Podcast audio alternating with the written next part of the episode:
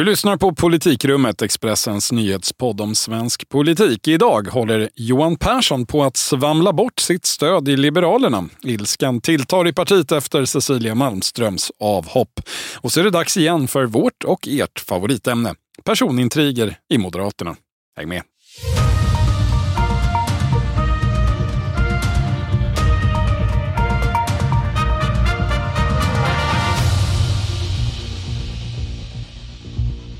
Det är tisdag den 16 maj, för sommaren verkar ha gått in i väggen här i Ulf Kristerssons Sverige, men i politikrummet så är stämningen som alltid på topp ändå. Här för att genomföra vårt eh, 72 sammanträde det är jag, Viktor Bartkron, politisk kommentator här på Expressen och så naturligtvis Politik-Sveriges ledande informationskälla och min reporterkollega Thomas Nordenskjöld. Hej! Hallå, hallå! Först så kan vi notera att ordet för dagen är vindkraft. Mm. Regeringen har godkänt två stora havsvindsparker utanför västkusten, berättade man på en pressträff i morse. Sammanlagt eh, drygt hundra snurror är det som ska byggas, jättestora sådana. Eh, det var väl inte riktigt det man pratade mest om i valrörelsen att man skulle göra, men just idag så verkar alla mycket stolta och mycket nöjda. Ja, men det, det är ju en viktig politisk signal för den här regeringen och tror jag då, och särskilt för Liberalerna. Alltså, de är är ju i väldigt stort behov av att kunna visa upp saker på klimatområdet som inte bara ökar utsläppen och nu särskilt då efter reduktionsplikten som mm. kom för någon dryg vecka sedan. Och det räcker ju inte med det här äh, träsket och alla miljoner man ska lägga på återställande och träskmarker som man har satsat en del på och snackat om, tror jag. Eh, och, och då är det här politiskt tilltalande och det eh, även för Moderaterna ska vi säga. Alltså de är ju eh, även de besvärda av den här bilden av den här regeringen som bakåtsträvande i klimatpolitik politiken och, och brottas ju med sina bekymmer med Stockholmsväljarna som vi vet. Jo, men Stockholmsväljarna är all ära, de är många, men det finns ju andra typer av väljare också. Till exempel i det här fallet västkustväljare, tänker jag. Ja. Alltså möjligen lite mer problematiskt där, framförallt eh, för Moderaterna och Kristdemokraterna. Eh, kustnära vindkraft har ju varit en stor och ganska het fråga i många kommuner som berörs. Och de borgerliga partierna har väl inte direkt verkat överentusiastiska om man säger så. Nej. Det finns en del lokala valaffischer, eh, inte just där de här vind vindkraftsparkerna ska ligga, men på andra ställen där eh, moderater och kristdemokrater ritar upp jättestora snurror och säger absolut nej. Mm. Eh, men det var då, man gör en sak före valet och sen är det valet som gör man en annan sak eller vad det heter. Eh, nu handlar det här, ska vi säga, om vindsnurror som ska ligga utanför territorialvattengränsen, den svenska alltså. Det betyder att kommunerna har ingenting att säga till om i sak, men folk bor ju där de bor ändå och röstar. Men ser man dem ens från kusten? Eh, det är väl det, det som är debatten här. och sen kan man åka båt också. Ja. Nej, men, men det är intressant tycker jag att regeringen nu, nu gör ändå precis det som man i olika sammanhang sagt sig vara ja, men orolig för till viss del i alla fall. Alltså att man kraftigt då ökar andelen väderbaserad kraftproduktion. Eh, och nu har man ju, alltså nu har man ju för sig planer ska vi säga, på ny kärnkraft också. Eh, stora planer, men det är just planer. Och det är ingen som tror att den där kärnkraften kommer börja byggas de närmaste åren. Mm. Det senaste jag hörde var att man hoppades på att det skulle finnas någon form av färdig plan på en ny reaktor innan valet. Man får sitta och rita någonting där sista mm, sommaren i värsta fall. Så. Ja, nej, men det här sker ju också ironiskt nog kan man säga dagen efter att Mikael Damberg, socialdemokraten, var ute och pratade om att det här med ny kärnkraft, det kanske inte är så dumt i alla fall eh, i Svenska Dagbladet. Eh, möjligen ingen dramatisk omläggning, men det är ändå eh, inte riktigt hur den socialdemokratiska linjen har låtit tidigare, särskilt inte före valet. Det ena behöver förstås inte utesluta det andra, men för den som lyssnade på valrörelsens debatter så har kanske de här senaste dagarnas eh, energinyheter varit lite snurriga. Ja, nej, men så är det. Och, eh, och, och jag vet ju att det liksom också från regeringshåll, det har ju funnits en oro från, från regeringen för att när den här mandatperioden är slut kommer liksom ha sagt ja till en väldig massa vindkraft. Eh, eh för det finns ju massa färdiga eh, sådana ansökningar som bara ligger och väntar på regeringens bord. Men att man då eh, inte fått spaden i, i, jorden för ny kärnkraft och att man, eh, och att man liksom... Eh, nej men, eh, är det så att man också har rätt i det, i det man har sagt tidigare så riskerar ju utbyggnaden av vindkraft att göra liksom, att gå ut över investeringsviljan i kärnkraft mm. eftersom priserna då blir så låga när, när det blåser. Så har det i alla fall låtit om man lyssnar på borgerliga energi, energidebattörer. Ja, men nu är det ändå vindkraft som gäller. Mm. Vi får se var det landar, om det landar, ska vi säga. För det här projektet det har redan överklagats till Mark och miljödomstolen och ett nej där och då blir det nej, eh, sa miljöminister Romina Pourmokhtari idag. Eh, försvaret eh, har för övrigt sagt nej till det här. Eh, Länsstyrelsen i Halland har egna experter som också har sagt nej av miljöskäl, men de blev överkörda. Ja, men det, det brukar väl vara så. Eh, och några andra som eh, gärna säger nej och är upprörda är ju Sverigedemokraterna. Och, och det, alltså det blir tydligt här att det här är verkligen ett exempel på där jag tror att regeringspartierna är rätt glada att Sverigedemokraterna inte sitter i regeringen. För just den här typen av liksom tillståndsbeslut, eh, mm. där har ju regeringen eh, som vi vet ensam beslutande rätt. Och, eh, men, men sen är det ju så att energipolitiken ingår ju tydligt i Tidöavtalet så man kan ju också förstå att, att, att Sverigedemokraterna är på krigsstigen här. Och, och något som sticker ut lite här i de här reaktionerna från Sverigedemokraterna är ju hur Tobias Andersson uttryckt, uttryckt sig tycker jag. Ja, partiets påläggskalv och toppnamn i näringsutskottet är det han är nu. Va? Mm. Han eh, talar om mer eller mindre för Jimmy Åkesson att det nu är minsann är dags att lyfta den här frågan till övriga partiledare. Så här kan vi inte ha det. Mm. Eh, det är inte varje dag man hör sverigedemokrater uttrycka sig på det sättet. Nej, det, det vittnar om mm. Eh, ett gott självförtroende. Jo. Kanske för gott om du frågar Jimmy Åkesson. Vi får väl se. Eh, det kan vara koordinerat Ja, men det är liksom ändå intressant tycker jag. För man ska ha med sig här också att Tobias Andersson, Tobias Andersson allt mer liksom ändå ses som den som ligger bäst till för att efterträda Jimmy Åkesson den dagen han nu kliver av. Det verkar ju som att det kan dröja. Men, men liksom, och det är ju, har ju varit i regel hans och då Henrik Winge, eh, tidigare gruppledarens namn, som nämnts. Men men, ja, vi får väl ta det där en annan gång kanske. Ja, nu har han i alla fall gått ut på ett sätt som då ja, det riskerar ju att framställa Jimmy Åkesson som svag nu om han inte lyfter frågan till partiledarnivå och eh, kan komma hem med, med någon form av förändring. Men, men mm. eh, framtiden är lång. Eh, det här blev ju då i alla fall idag eh, en till synes god nyhet då för Liberalernas agenda i den här regeringen. Ja, de brukar också vara glada när Sverigedemokraterna är missnöjda. Precis, det ena utesluter verkligen inte det andra i det fallet. Eh, och det har ju varit lite si och så med vad det gäller just goda nyheter för Liberalerna de senaste dagarna. Mm. Opinionssiffrorna är under 3 procent, i alla fall i senaste Sifo, kom i fredags. Mm. Och, och det, det, är väl en sak. Ja, men sen ska man väl säga att de är väl nästan vana vid, vid, vid, vid dåliga siffror numera. Men alltså jag skulle nog, alltså i och för sig så tror jag att under 3 procent, då, då börjar det bli jobbigt. Alltså man vill nog inte gärna vara ett 2 parti. Nej, expectations management, eller vad heter det? Ja, eh, men en värre sak än mm. 2,8 procent i Sifo är ju det som hände i mitten av förra veckan. Ja. Eh, när det då framkom att Cecilia Malmström, partiets tidigare EU-kommissionär och kanske mest populära politiker, eh, både internt och externt eh, i mm. partiet och utanför det. Eh, hon har lämnat partiet. Hon betalar inte medlemsavgift längre. Nej. Det här hade hon gjort diskret, eh, men det avslöjades och i en kort kommentar till Sveriges Television så har hon i alla fall klargjort att det är just Liberalernas medverkan i Tidöprojektet och regeringen som är orsaken. Mm.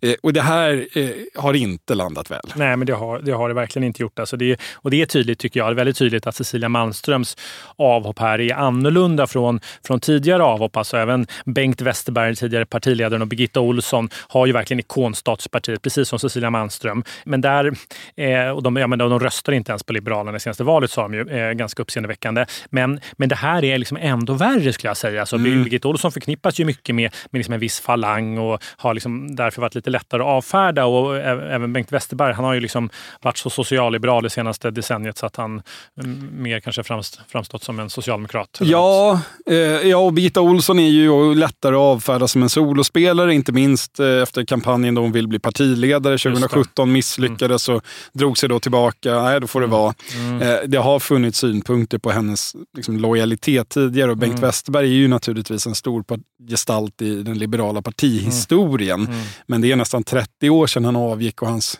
återkommande synpunkter på ditt och datt eh, var nog många lite trötta på redan innan just allt det här började om man säger så. Ja, nej, men, nej, men lite så. Och, men, alltså, men med Cecilia Malmström så, så är det som sagt annorlunda. Ja. Alltså, eh, och det handlar nog om att liksom, hon just varit lojal. Hon inte förknippas med, med någon falang på samma sätt, även om alla vet att hon har varit emot det här och liksom stått på den andra sidan, så hon har legat lågt. Och, eh, och hon har liksom inte deltagit i de här striderna i partiet. Och, eh, alltså, hon kommer från Göteborg och är såklart omåttligt populär där, men kan vara fördel att inte vara från Stockholm eh, så i partiet, för det är liksom, ja, de avfärdar man på rak, lite mer rakt av där från partiledningens sida. Men även, men även, i, liksom, även i Skåne har hon vet jag att hon har ett väldigt starkt stöd och ja, men i partiets övriga delar också. Och, eh, och utöver eh, det så på något sätt så hon förkroppslar ju liksom ett ansikte utåt för den här liksom, eh, partiets starka engagemang och tro på, på EU som projekt. Och, ja, förutom att vara kommissionär har hon ju också varit EU-minister ska vi säga. Ja, i, men precis. Reinfeldt 1.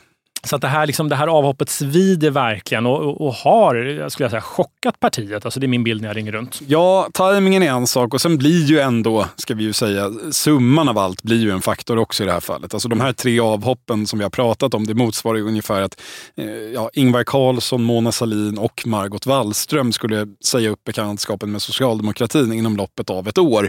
Det är ju fullständigt otänkbart. Det, det går inte att föreställa sig. Men i fallet Malmström så mm. känns det också som att just det lågmälda i hennes exit mm. Eh, bara gjorde saken värre. Det, det, var inget utspel med sig själv på moralisk piedestal utan hon bara tog sin hatt och gick eh, i all tysthet.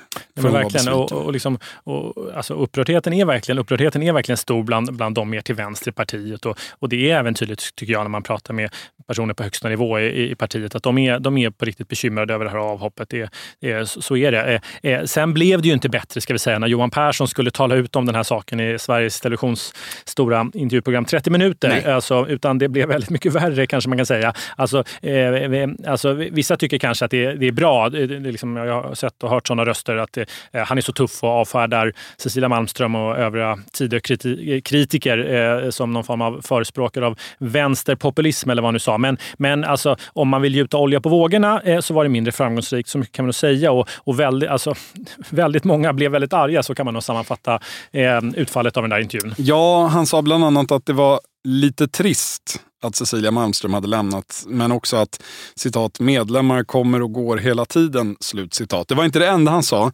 eh, men han sa det eh, och man kan nog konstatera att det finns tillfällen när den där slängiga eh, killen vid grillen-stilen funkar och framstår som behagligt avspänd. Men det finns också tillfällen där det mest framstår som arrogant och eh, tondövt. Mm. Och det här var nog ett exempel på det senare. Det, var, det fanns betydligt bättre ord att välja där. Ja, och det, det, liksom, det blir tydligt nu att det liksom, nu åter, återframförs det ju liksom en del kritik mot ledningen och Johan Persson då, och, som ändå varit rätt, han har varit rätt förskonad från det skulle jag säga. Alltså, må, många i partiet socialliberala fåra framställde honom som ett liksom, steg i rätt riktning efter Nyamko Sabuni och, eh, och man, man uppskattade hans liksom, sociala engagemang i valet sa man. Men, men det, men, men det var då och, och, och de tongångarna finns inte kvar på samma sätt. Och liksom, nu kommer missnöjet upp till ytan igen och folk i partiet sitter och ringer varandra på kvällarna och är väldigt upprörda. Ja, och det vet vi av erfarenhet att när folkpartister väl börjar prata med varandra så är det sällan mm. goda nyheter för partiledningen.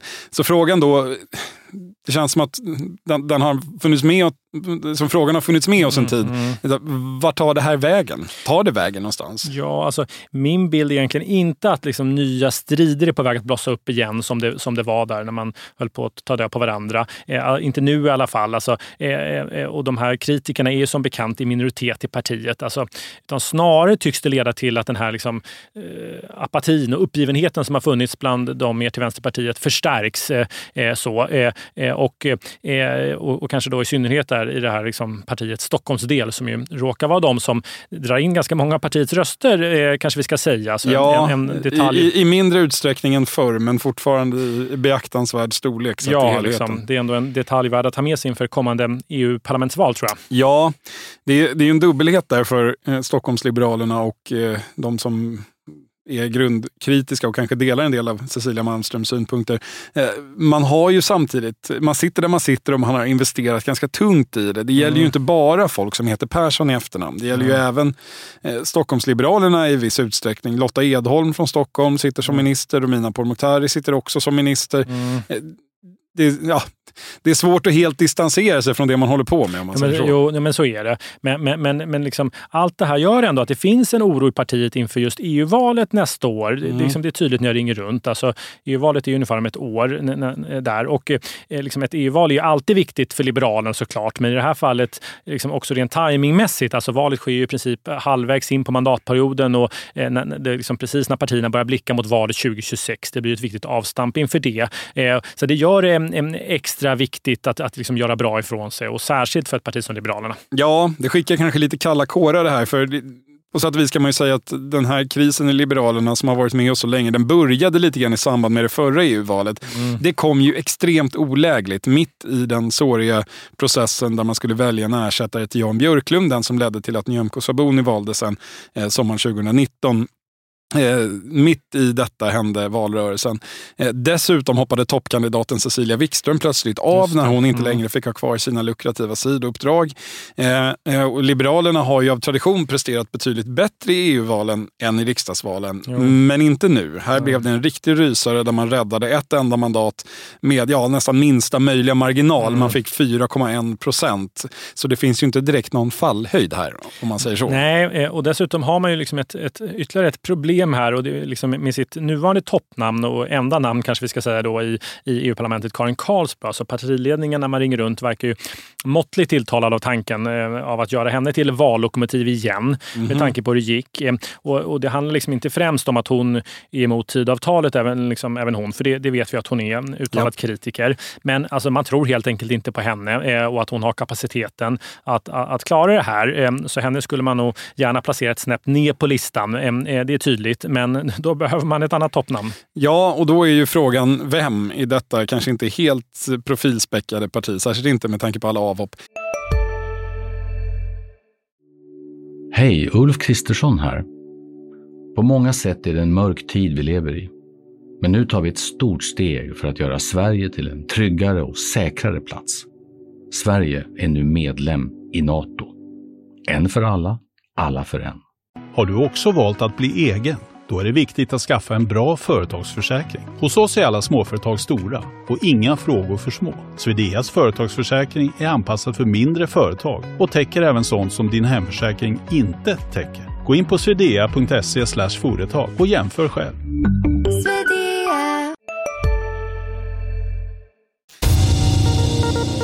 det finns ju röster i Kristdemokraterna som vill se Göran Hägglund i topp för deras valsedel av liknande skäl. Eh, så Liberalerna kanske kan svara med att utnyttja regeringsmakten och kalla hem Jan Björklund från Rom och ja. Eh, tvinga in honom eller något. Det hade varit lite roligt tycker jag. Vad pratar de om? Eh, precis, Nej, men det har varit lite roligt. Man, utan att lägga någon värdering i det så hade ju en återkomst där piggat upp kanske. Men, men alltså, det är snarare en annan ambassadör det talas om och det är ju Erik Ullenhag faktiskt. Alltså, mm -hmm. eh, han dök ju upp som en av inledningstalarna på partiets riksmöte här tidigare i vår. Eh, kom precis därefter Johan Persson eh, och höll ett stort tal vilket liksom satte igång spekulationerna internt. Alltså, eh, det, och det sägs också att han haft en del partitoppar på besök på ambassaden i Tel Aviv. Och, alltså, och det jag hör är att man från partiledningen gärna verkligen skulle vilja se, se honom som toppnamn. Eh, eh, han vore på många liksom, sätt perfekt för partiet eh, och, och, det är delvis såklart av samma skäl eh, som att man plockade in Romina Pourmokhtari i regeringen. Ja, det är ju en spännande tanke. Eh, några mottankar skulle möjligen vara att det är väl ett frågetecken kring hans förmåga som vallokomotiv. Det har vi ju ingen redovisad erfarenhet av.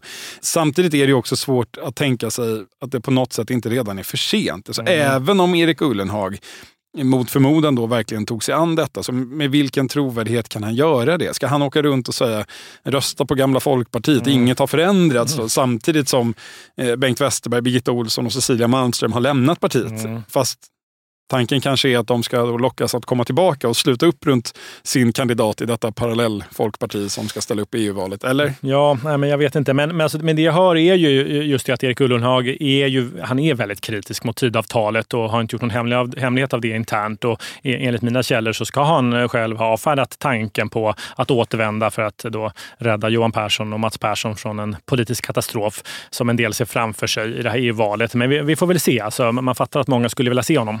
Ja, eh, jo det gör man ju. Men om man backar ett steg så tycker jag det är ändå svårt att komma runt hur någonstans illa skött allt det här är. Alltså, mm. det, just att det bara pågår år efter år, den här konflikten. Alltså, det, det börjar ju någonstans redan på Jan Björklunds tid, alltså, hur han aldrig riktigt ville medge konsekvenserna av sin anti-SD-linje. Och när de sen kom i form av ett januariavtal med Socialdemokraterna och Miljöpartiet, ja då försvann han mer eller mindre omedelbart och andra fick hantera problemet.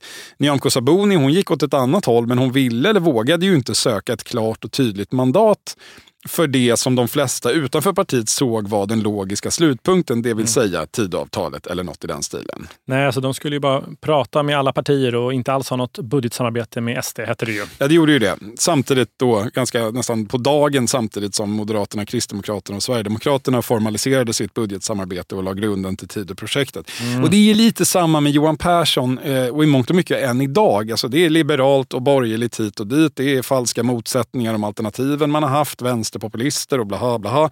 Och eventuell kritik den spelar man ner istället för att möta rakt mm. av. Jag är kanske elak nu, men det, det, är ändå lite den känslan jag har efter det där 30 minuter-programmet. Det är som att linjen hela tiden och från båda sidor har varit att ge eh, alltså de interna kritikerna tillräckligt mycket falska förhoppningar för att mm. hålla konflikten levande och infekterad och för att eventuella avhopp ska ske över så lång och plågsam tid som möjligt. typ. Ja, och, så, och nu är man faktiskt inne på 50 året efter att Jan Björklund avgick och den här konflikten öppnade sig offentligt. Ja, mm. det är möjligen något slags världsrekordförsök. Jag vet inte. Ja, och alltså, en person som varit någon form av röd tråd i allt det här som hänt eh, under de här konflikterna och i liksom vägvalen partiet gjort under senare år är ju, är ju Mats Persson. Eh, eh, det kan vara värt att nämna honom här. Alltså, idag utbildningsminister och som syns mycket dessutom. Ja. Eh, det, det, var ju mångt och mycket han faktiskt som lyckades manövrera ut Jan Björklund när det, när det begav sig. Alltså, jag minns inte alla detaljer i det där. Eh, det var ett tag sedan som sagt. Men, men han ställde ju sin egen plats till förfogande och hoppade av, ju av som ekonomisk politisk talesperson eh, på något sätt. Och syftet med hela den där manövern var ju att tvinga bort Jan Björklund, vilket, vilket lyckades. Eh, så. Och sen kom ju eh, Nyamko Sabuni som ju också var någonstans Mats Perssons kandidat och under he, hela hennes ledarskap fanns ju han hela tiden bakom och, och var den som i stor utsträckning styrde partiet som det framställdes. Så är det Alltså även idag. Han är ja, väldigt tongivande. Ja, och, numera, som du sa, även, även utåt mm. på ett sätt som man kanske inte riktigt har varit tidigare. Det var han som skötte Liberalernas talan i Tidöförhandlingarna i mångt och mycket och nu har han ju också iklätt sig rollen som utbildningsminister. Traditionellt det tyngsta man kan vara eh, som partiliberal. Mm. Eh, och har ju där visat en fäbless för att ta såna här lite mer symboltunga strider mm. eh, mot vänstern. Eh, Cancelkultur på universiteten till exempel. Så han verkar ju vilja träda fram och, och bli en eh, figur för allmänheten också. Ja men, han är liksom, ja, men han syns ju mer än de flesta statsråd. Intressant alltså. Och det kan ju möjligen förklara varför han är ett sånt rött skynke för vänsterfalangen i partiet kanske. Men, men, men även idag beskriver det många som att det, som att det i stor utsträckning är Mats Persson som, som styr partiet. Alltså vid sidan då av Johan Persson och Gulan Avci, eh, kanske vi ska tillägga. Ja, sen kan man ju notera, det är ju förstås också praktiskt för den lilla sammanhållning som eventuellt finns kvar, att ha ett rött skynke som inte är själva partiledaren. Mm. Lite som när interna kritiker i Socialdemokraterna alltid riktade in sig på den eh, för tillfället sittande ekonomisk-politiska talespersonen eller finansministern, mm. eh, men inte den heligaste kon, det vill säga partiordföranden. Eh, men vi får väl se om Persson eh, den av dem som nu faktiskt kör mm. faktiskt lyckas ena det här partiet mm. till EU-valet eller till något annat val. Men just nu ser det inte överdrivet ljust ut, måste vi säga. Nej, det gör inte det. Men det är om detta, ska vi säga. Eh, för vi lär återkomma. Ja, men vi brukar göra det när det gäller Liberalerna. Ja, men en annan sak. I Expressen idag så har du Thomas ett avslöjande om eh, lite mer personorienterade intriger i ett eh, närliggande parti. Och det handlar mm. då om mm. Moderaterna och det synnerligen omstridda regionrådet i Stockholm, Irene Svenonius, som tydligen är på väg att avsättas. Ja, men ja, det verkar ju så. Alltså, eh, det, det, har ju varit så att vad, vad, som ska hända med Irene Svenonius när, när hon ska sluta, om hon ska sluta, har ju verkligen varit ett samtalsämne i Moderaterna ända sedan valet. Eh, eh, och eh, och det var ju ett val, så kanske vi ska påminna om, som slutade med att Moderaterna fick lämna över makten i Region Stockholm efter 16 år. Ja, eh, Moderaterna fick 20 procent. Eh, det är ungefär i linje med partiet nationellt, men det är väldigt, väldigt, väldigt lågt i relation till hur det historiskt har sett ut för ja, Moderaterna i verkligen. Stockholms läns landsting, som det hette då. Mm. Alltså, det är inte så länge sedan som man var uppåt en 40 procent i opinionsmätningar. Ja, har man liksom bytt liksom Socialdemokraterna som är ett eh,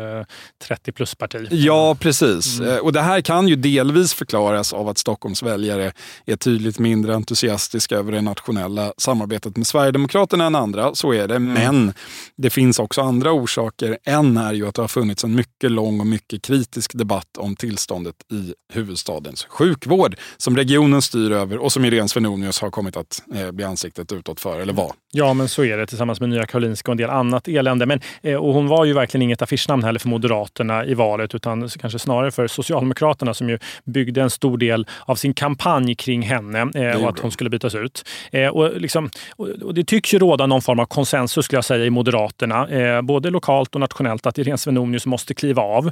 Eh, men man har, liksom, som man sagt när jag frågat om det här löpande ända sedan valet, som har sagt att det här behöver skötas snyggt och respektfullt och hon har gjort mycket bra också och sådär. Och hon behöver också då, har man ju sagt, en, liksom en bra reträttpost. Eh, eh, och här har ju Moderaterna då nationellt via regeringen, eh, som ju liksom, där, även där är man ju tydligt medvetna om det här att ja, det behövs ett ledarskifte i Region Stockholm för Moderaterna. Och därför har man, var man ju då väldigt glada när regeringen kunde erbjuda Svenonius jobbet som landshövding i Kalmar. Ja, eh, Kalmar län som Irene Svenonius dessutom kommer från, eh, Vollö i Mönsterås kommun. Det brukar hon mm. sällan göra någon hemlighet av och eh, fick ju då här en, en eh, smått unik chans att bli profet i sin egen hembygd. Kunde man tänka sig. Ja, exakt. Alltså. Men, eh, och Svenonius ska först ha varit intresserad men sen ändrat sig eh, och tackat nej till erbjudandet, liksom vars då ändå syfte enligt mina källor var att man ändå ja, dels kanske tyckte att hon var lämpad för uppdraget, men också eh, eh, att eh, man ville hjälpa regionen att få till ett ledarskifte. Men hon tackade nej till det här av familjeskäl, sa man. Men, en, men liksom, trots att det var skälet som angavs så har det gett upphov till viss irritation på nationell nivå i partiet och regeringen, har jag hört. Och, och även en del nervositet. Alltså, för nu har det ju gått åtta månader drygt sedan valet och hon sitter fortfarande där. Eh, och, och liksom, efter valet, där, när man pratade runt med källor, så var alla helt övertygade om att hon ska sluta. Nu är det lite mer osäkerhet där. Eh, och hon är ju också en maktspelare av rang, ska vi säga. Det har hon visat många gånger. Eh, och eh, liksom, ja, som man en del nog på ganska goda grunder har respekt för. Ja, Många går nog ändå runt med känslan av att man inte flyttar på Irene Svenonius hur som helst, utan det är hon som flyttar på dig. Eh, och så har det ju varit i många fall också. Ja, nej men det, det, det tycks ju så. Eh, och, eh, och nu blir det nog svårt för regeringen också att liksom sockra budet och komma med något nytt erbjudande. Eh, så nu får nog re, regionen lösa det här själva, tror jag. Och eh, det, det, finns ju också här, ska säga, liksom, successionsordningen är ju eh, redan tämligen klar, har jag framstått som det ett tag. Alltså, Tamsons har liksom sett som ett rätt en rätt given efterträdare länge nu. Han är ju, har varit eh, trafikregionråd i två Ja, precis. Han har varit deras andra namn kan man säga och mm. nästan lika profilerad. Och innan det har han ju gjort det mesta. Varit eh, nära medarbetare till Fredrik Reinfeldt bland annat. Han har varit med länge, men Just det, eh, nu är han liksom är näst högst upp. Så att, eh, så. Men, eh, men, och han, är, han, är, ska säga, han är inte omtyckt av alla, men han har ett starkt stöd i min bild när jag ringer runt och, och framstår som, som rätt ohotad i dagsläget. Eh, hans främsta problem är snarare att han då inte bor i Stockholms stad och man väljer av tradition... Att han bor i Stockholms stad menar du? Ja, förlåt. Han bor i Stockholms stad, eh, men och man väljer av tradition ingen från, från staden som, eh, som högsta namn i regionen, utan av någon anledning. Det kan ja. tyckas märkligt för utomstående, men, eh, men det sägs att han eh, ska nu vara på väg att skriva sig i länet någonstans. Vi får se var det tar vägen. Vi följer det. Men sen är det ju då också att eh, ja, först måste ju Irene Svenonius avgå också. Eh, men enligt vad jag hör då så pågår någon form av process i partiet där i regionen i syfte att hon ska kliva av. Vi får se hur det slutar. Hej, Synoptik här. Hos oss får du hjälp med att ta hand om din ögonhälsa.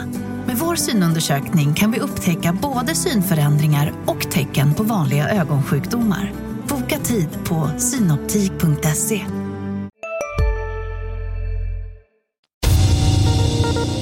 Ja, vi får se om eh, Irene Svenonius tänker medverka i den processen eller om hon har andra planer.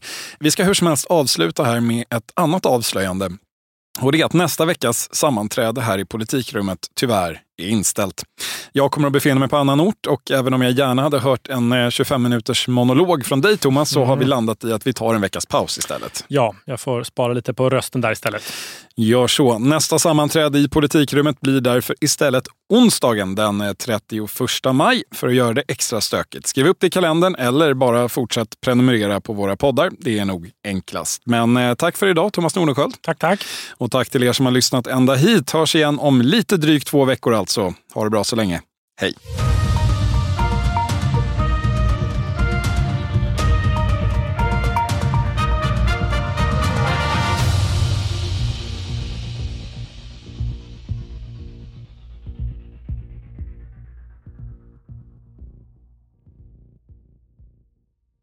Du har lyssnat på en podcast från Expressen. Ansvarig utgivare Klas Grans